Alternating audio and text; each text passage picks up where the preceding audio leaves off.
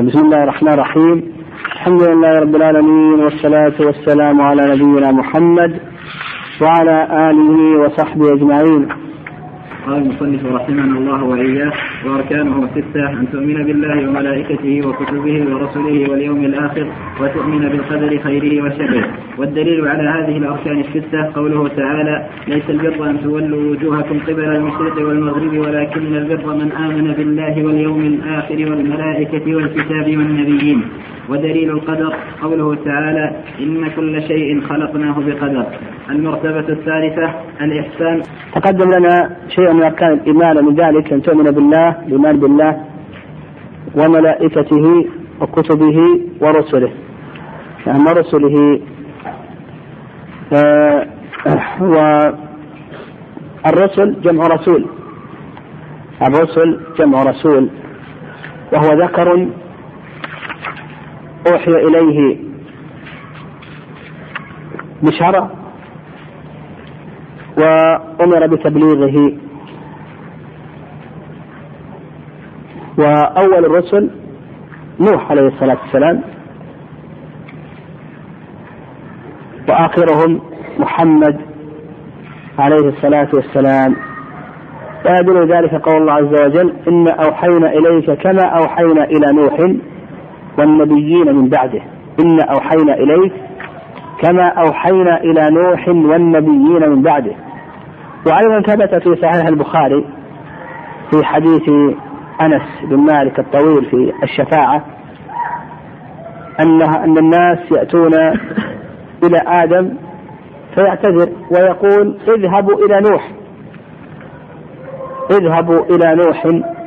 أول رسول بعثه الله. أول رسول بعثه الله. هذا يدل على أن نوح عليه الصلاة والسلام هو أول الرسل وأما آخرهم فمحمد صلى الله عليه وسلم. الله عز وجل يقول ما كان محمد أبا أحد من رجالكم ولكن رسول الله وخاتم النبيين.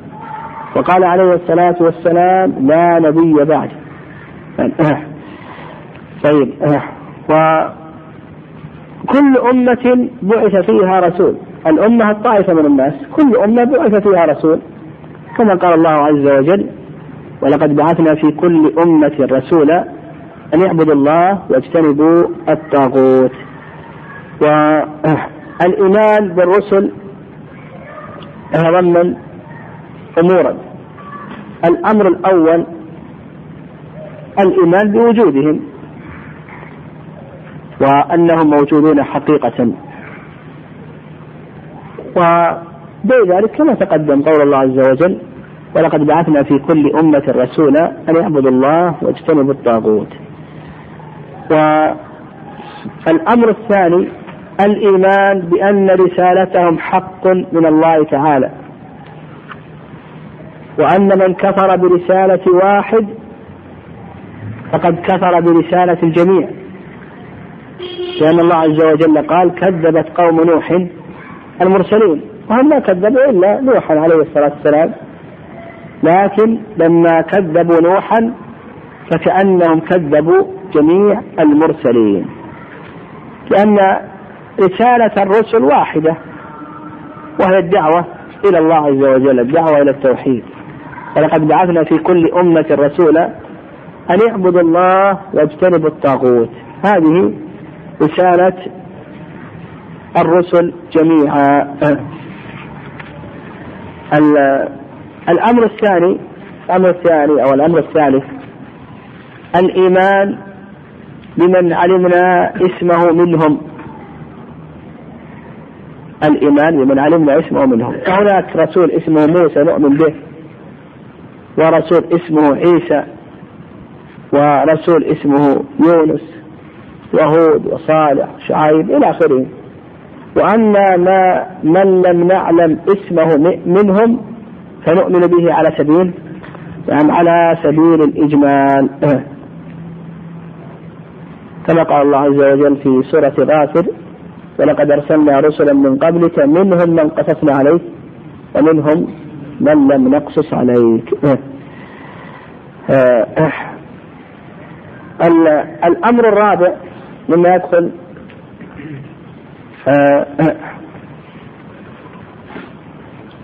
في رسالة في الإيمان برسالة الرسل آه الإيمان بما جاء بما جاءوا به من الأخبار. الإيمان بما جاءوا به من الأخبار. وهذا قبل التحريف. هذا قبل التحريف. لأن الأخبار لا تنسخ. فما جاءوا به من الأخبار والعقائد يعني فما جاءوا به من الأخبار نقول هذا يجب الإيمان به. لأن الأخبار كما ذكرنا لا تنسخ وأما ما يتعلق بالأعمال فهي منسوخة شرائع الأنبياء السابقين نسخت بشريعة نبينا محمد صلى الله عليه وسلم فيجب العمل بشريعة النبي عليه الصلاة والسلام.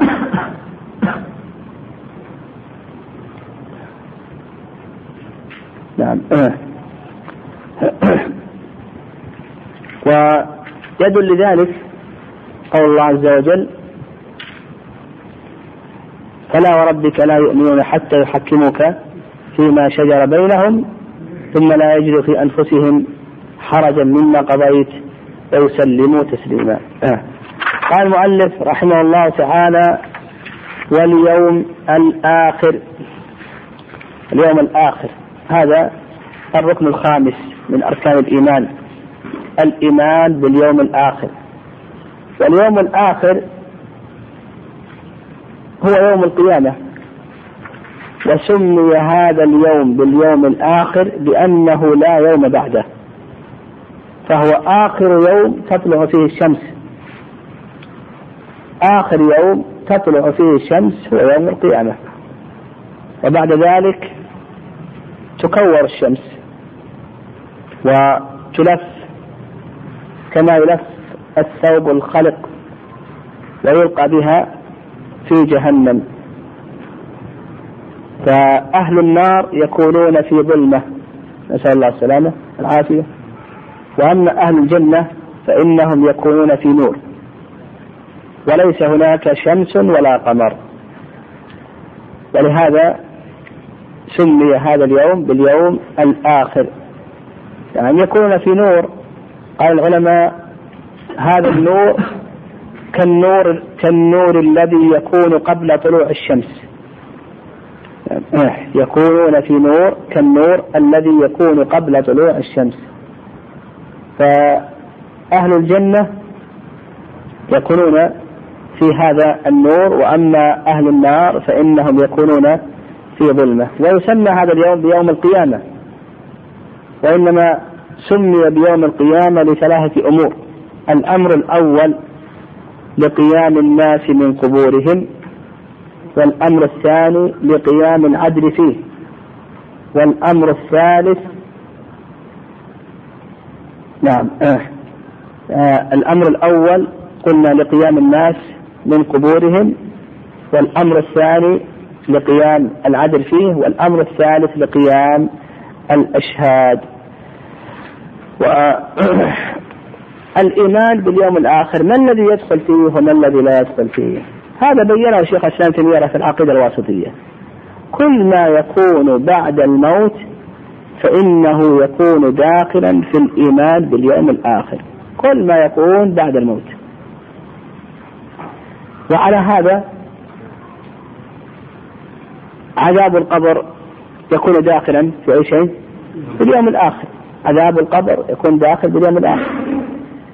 سؤال الملكين يكون داخلا في اليوم الآخر. آه البعث يكون داخلا في اليوم الآخر في الإيمان باليوم الآخر. الجنة النار الصراط الميزان الحساب الحوض كل ما يكون كل ما يكون في القيامة كل ما يكون بعد الموت فإنه داخل في أي شيء؟ في الإيمان باليوم الآخر. وعلى هذا الذي ينكر الصراط هل آمن باليوم الآخر أو لم يؤمن به؟ نقول ما آمن. يعني ما آمن. الذي ينكر عذاب القبر نقول ما آمن باليوم الآخر. الذي ينكر الحوض نقول بأنه ما آمن باليوم الآخر. وعلى هذا فقس. يعني ما على هذا فقس. فنقول الذي يدخل في الإيمان باليوم الآخر هو كل ما يكون بعد الموت. فإنه داخل في الإيمان باليوم الآخر. كما ذكر شيخ الإسلام تيمية رحمه الله في الواسطية. قال واليوم الآخر نعم. قال والدليل نعم. وتؤمن بالقدر. خيره وشره. تؤمن بالقدر خيره وشره. هذا هو الركن السادس من أركان الإيمان. والقدر تقدير الله تعالى للكائنات حسب سبق علمه أو حسب علمه السابق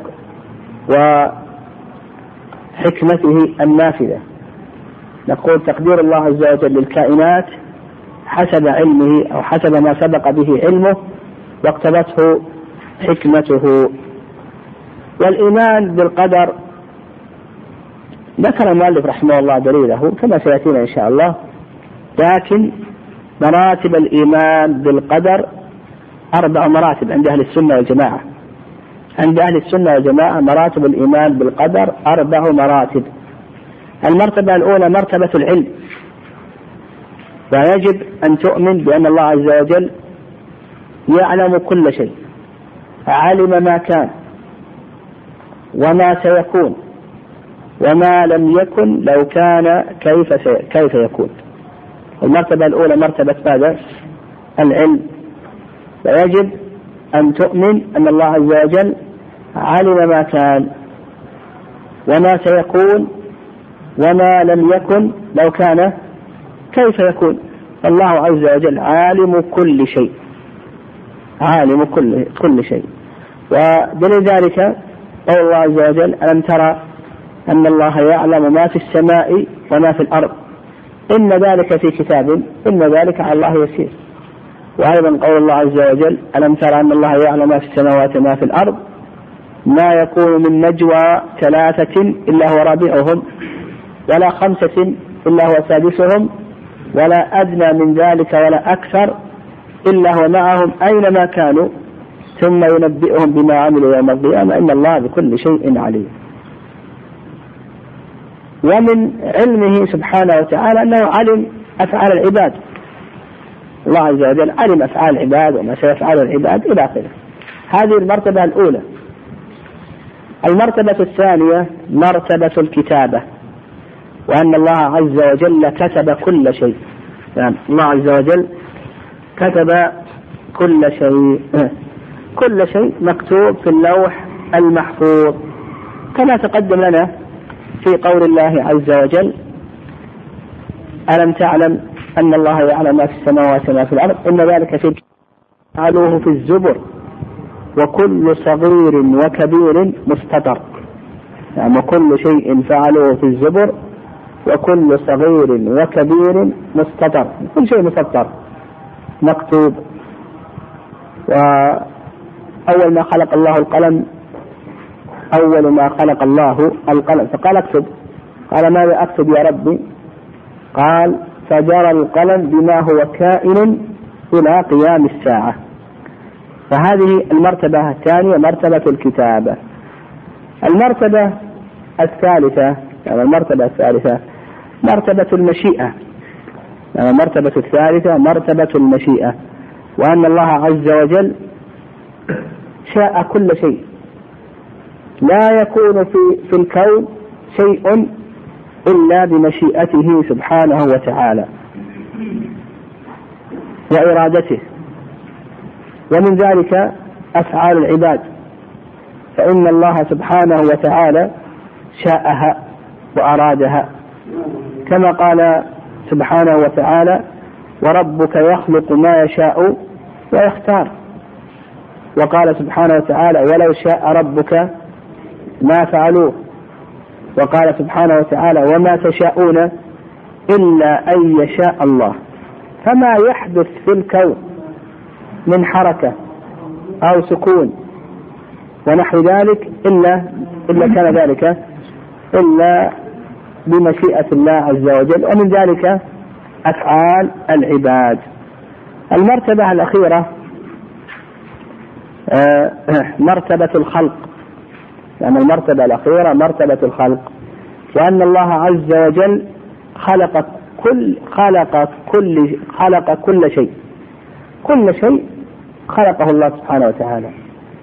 ومن ذلك أفعال العباد فإن الله سبحانه وتعالى خلقها. ويدل لذلك قول الله عز وجل وخلق كل شيء فقدره تقديرا. وأيضا الله عز وجل يقول الله خالق كل شيء. الله خالق كل شيء. ومن ذلك أفعال العباد. فإن الله عز وجل كما تقدم لنا شاءها وأرادها وخلقها. كما قال سبحانه وتعالى والله خلقكم وما تعملون.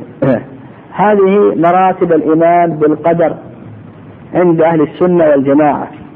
أربع مراتب. المرتبة الأولى مرتبة العلم المرتبة الثانية مرتبة الكتابة والمرتبة الثالثة مرتبة المشيئة والمرتبة الرابعة مرتبة الخلق. وهذا مذهب أهل السنة والجماعة وأنهم يؤمنون بهذه المراتب الأربع. وقد ظل في مسألة آه، الإيمان بالقضاء والقدر ظل فيه طائفتان. طائفة غلت وطائفة جفت يعني فرطت فرطت. فأصبحوا بين طرفي نقيض. القدرية المعتزلة في طرف والجبرية في طرف آخر. والقدرية المعتزلة كان فيهم الغلاة وكان فيهم غير الغلاة. الغلاة هؤلاء وجدوا في أواخر عهد الصحابة. في عهد ابن عباس وابن عمر وأبي سعيد الخدري رضي الله تعالى عنهم إلى آخره. وجدوا في عهد أواخر الصحابة صغار الصحابة الغلاة. وكان الغلاة ينكرون مرتبة العلم والكتابة. يعني ينكرون مرتبة العلم والكتابة. ويقولون بأن الله عز وجل لا يعلم أفعال العباد. حتى تقع من العبد ولم يكتبها لم يكتبها في اللوح المحفوظ ولا يعلمها. هؤلاء الغلاة وهؤلاء صاح بهم الصحابة رضي الله تعالى عنهم وكفروهم.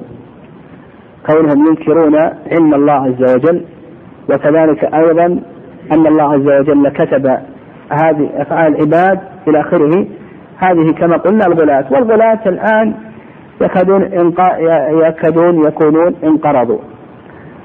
عامتهم غير الغلاة هؤلاء الذين ينكرون مرتبة المشيئة والخلق. ينكرون مرتبة المشيئة والخلق. يقولون بأن الله عز وجل لم يشأ أفعال العباد ولم يخلقها. وإنما العبد هو الذي خلق فعل نفسه. يقابلهم في ذلك الجبرية. الجبرية يقولون الله هو الذي شاءها والمخلوق لم يشاءها. الله هو الذي خلقها. المخلوق ليس له مشيئة وليس له إرادة. وإنما حركة المخلوق الجبرية يقولون حركة المخلوق وعمله مثل حركة المرسع مثل الريشة في مهب الريح. فهؤلاء في جانب وهؤلاء في جانب. القدرية المعتزلة يقولون بأن الله لم يشأ أفعال العباد ولم يخلقها. المخلوق هو الذي يخلق فعل نفسه وهو الذي شاءه. الجبرية يقولون بأن الله هو الذي شاء والمخلوق لم يشاء. وأهل السنة توسطوا في هذه المسألة وقالوا بأن الله عز وجل هو الذي خلق فعل العبد وشاءه وجعل للعبد مشيئة وإرادة. وما تشاءون إلا أن يشاء الله رب العالمين لكن مشيئة العبد وإرادة العبد تابعة لمشيئة الله وإرادته. الله أعلم.